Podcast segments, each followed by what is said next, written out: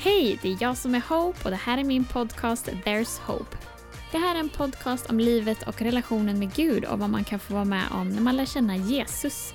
Jag delar händelser och tankar från mitt eget liv och bjuder även in någon spännande gäst här och var.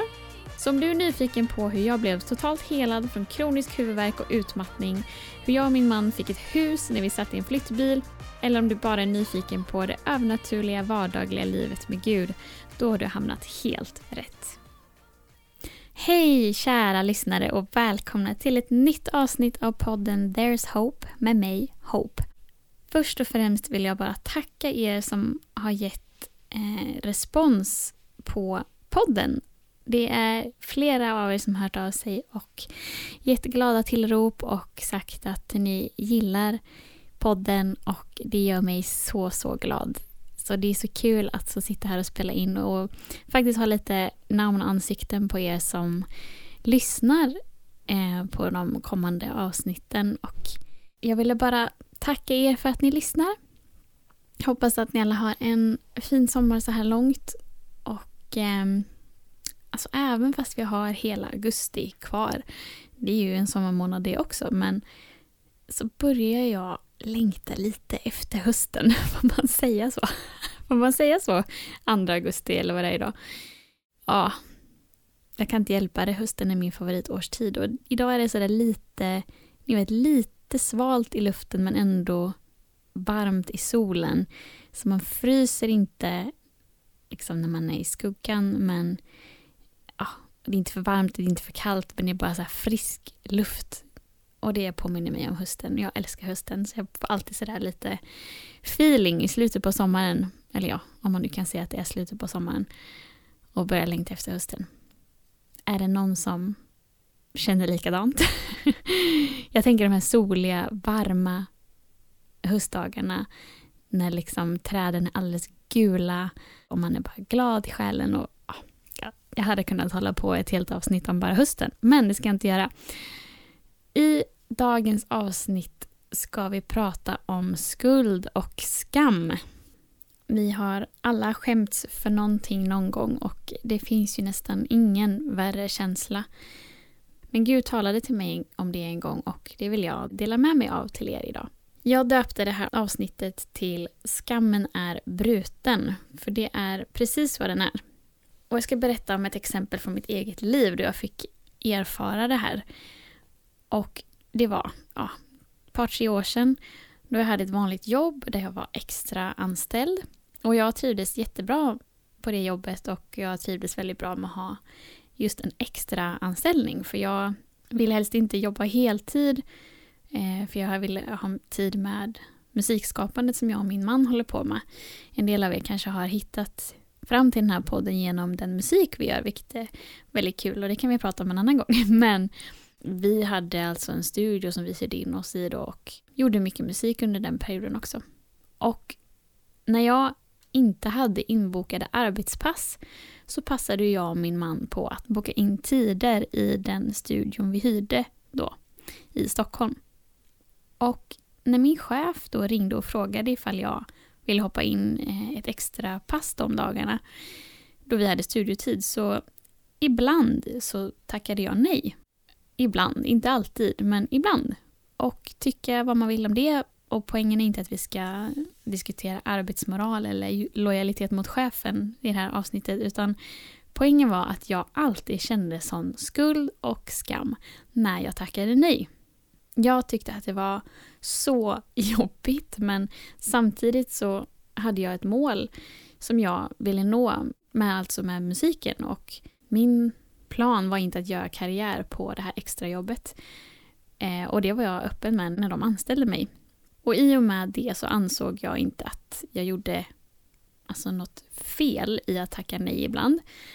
Men anklagarens röst, alltså fiendens, den ondes, djävulens röst, hördes tydligt ändå. Och han sa, nu sviker du chefen igen. Borde inte du visa framfötterna lite mer? Hur ska chefen nu lösa det här passet när inte du ställer upp? Ja, och så vidare och så vidare. Men en gång efter ett sånt där telefonsamtal med chefen då jag faktiskt tackade nej. Så rätt eller fel, men så är poängen att Jesus sa till mig genom sin helige ande Du behöver inte skämmas. Du behöver aldrig skämmas eller känna skuld. För jag tog skuld och skam på korset. Jag svarade typ Va? Jo, alltså jag hade ju hört förut att Jesus hade tagit all skuld och skam, men jag hade ju inte fattat att det innebar att jag aldrig någonsin behövde känna skuld eller skam. Stämmer verkligen det, kanske du tänker? Ja, jag tror att det stämmer. Men även fast man gör något uppenbart fel då? Alltså inte ens då tror jag att vi behöver känna skuld och skam, för att jag tror att skam får oss bara att vända oss bort ifrån Gud. Se bara på Adam och Eva. Så fort synden kom in i världen så blev de plötsligt blyga över att de var nakna och försökte fästa ihop fikonlöv och ha som kläder och sen gömmer de sig för Gud när han kommer gåendes i lustgården och letar efter dem. Innan synden kom in i bilden och de hade ätit av frukten så står det i Första Mosebok 2 och 25 och mannen och hans hustru var båda nakna utan att vara blyga för varandra. I den engelska översättningen så står det They were not ashamed eller They felt no shame. Så att innan synden kom in i bilden så visste de inte vad skam var eller de, kunde, de skämdes inte. Men så fort synden kommer in så skäms de och de gömmer sig. I bibeltexten så står det att Gud kallade på mannen och sa till honom, Var är du? Han svarade, Jag hörde ljudet av dig i lustgården och blev rädd eftersom att jag är naken. Därför gömde jag mig. Sen lite senare så står det att Gud gav dem kläder. Och Herren Gud gjorde kläder av skinn åt Adam och hans hustru och klädde dem.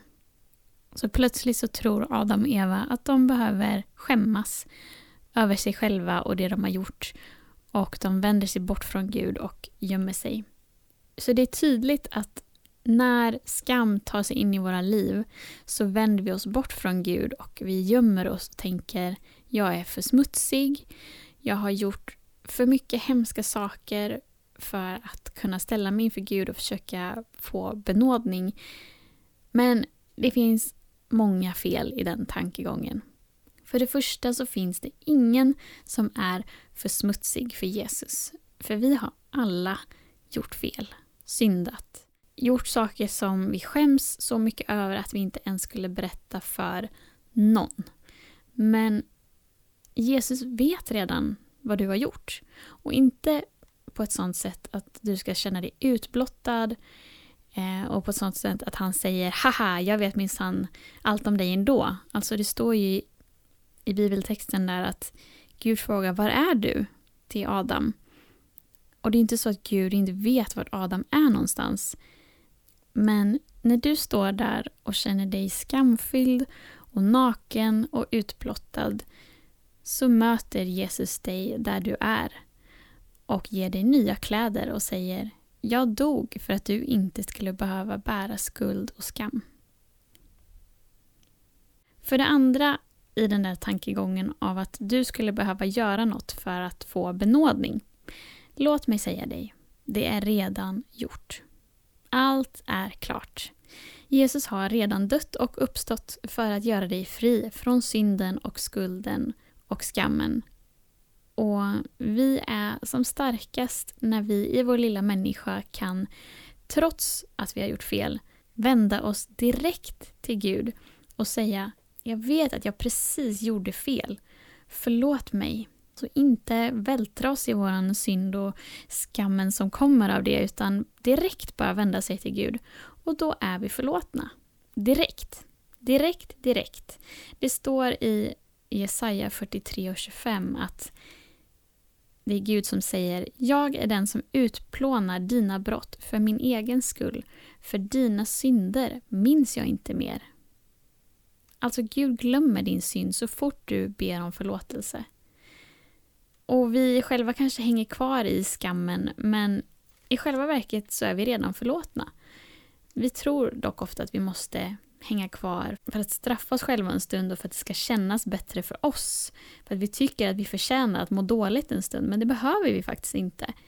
Och det viktigaste är alltså att vi vågar vända oss till Gud vad vi än har gjort, trots skammen.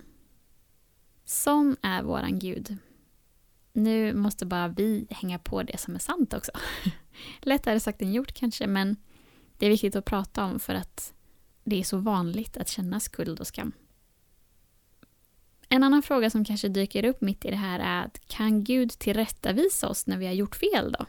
När vi faktiskt gör fel, hur gör Gud? Behöver vi vara rädda? Gud kan absolut tillrättavisa oss när vi har gjort fel, men det är så genomsyrat av kärlek när han gör det att skuld och skam inte är i närheten. Jag ska berätta om ett konkret exempel i mitt eget liv. För det första så tror jag att Jesus är en sån Gud som vill vara delaktig i allt i våra liv.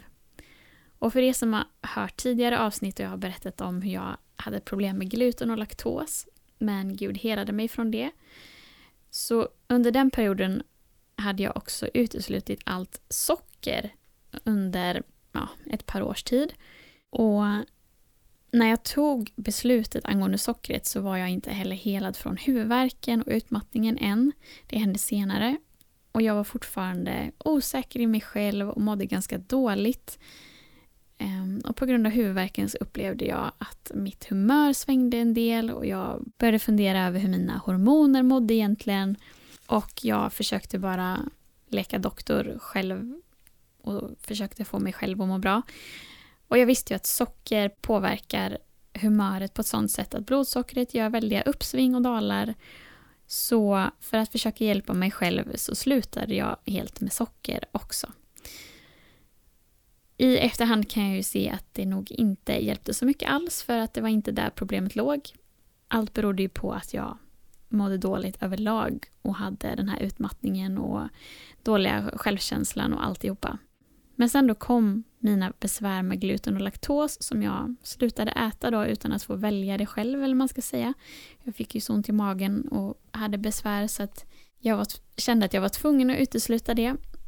Och nu till saken att under den perioden utan vare sig socker, gluten och laktos så blev vi bjudna till ett, eh, en drop-in brunch hos en kompis som fyllde år. Det var liksom öppet hus det var hur trevligt som helst och det var folk överallt och mat överallt, högt och lågt. Med pannkakor och smoothies och sötsaker och allt innehöll någonting av det som jag inte kunde äta. Jag hade ju inte föranmält någon specialkost så det var ju verkligen inte våran kompis fel men när vi kom hem, jag och min man, till vår lägenhet igen så bara grät jag. Jag var så ledsen över mitt begränsade liv. Jag kände mig utanför och så bunden. Och det var verkligen jättejobbigt men i den stunden så kom den helige ande in i rummet och så sa han till mig i sin mjuka, milda stämma Det här beslutet att inte äta socker, det har du tagit utan mig. Och det var sant. Jag hade inte kollat med Gud om det här var något som jag skulle eller behövde göra. Jag hade tagit ett beslut som ändå var ganska stort och påverkade hela min vardag och livsstil för det påverkade mig ju i allt jag åt varje vecka liksom. Och jag hade inte frågat han som vet allt om mig och vet vad som är bäst för mig. Men när han sa det så kände jag ingen skam. Jag kände ingen skuld alls. Han tillrättavisade mig i kärlek och jag blev snarare så rörd över Guds mjuka bemötande och hur det kunde kännas så djupt att bli medveten om vad som var rätt och fel. Det låter jättekonstigt när jag säger det, men det var verkligen så. För att det var så otroligt genomsyrat av kärlek att jag kände ingen fördömelse. Jag kände bara... Ja, jag hade satt mig själv i bojor och han kom och gav mig frihet. Jag lärde mig att jag behöver inte vara rädd. i framtiden när jag tar fel beslut eller gör fel. För han skuldbelägger inte mig.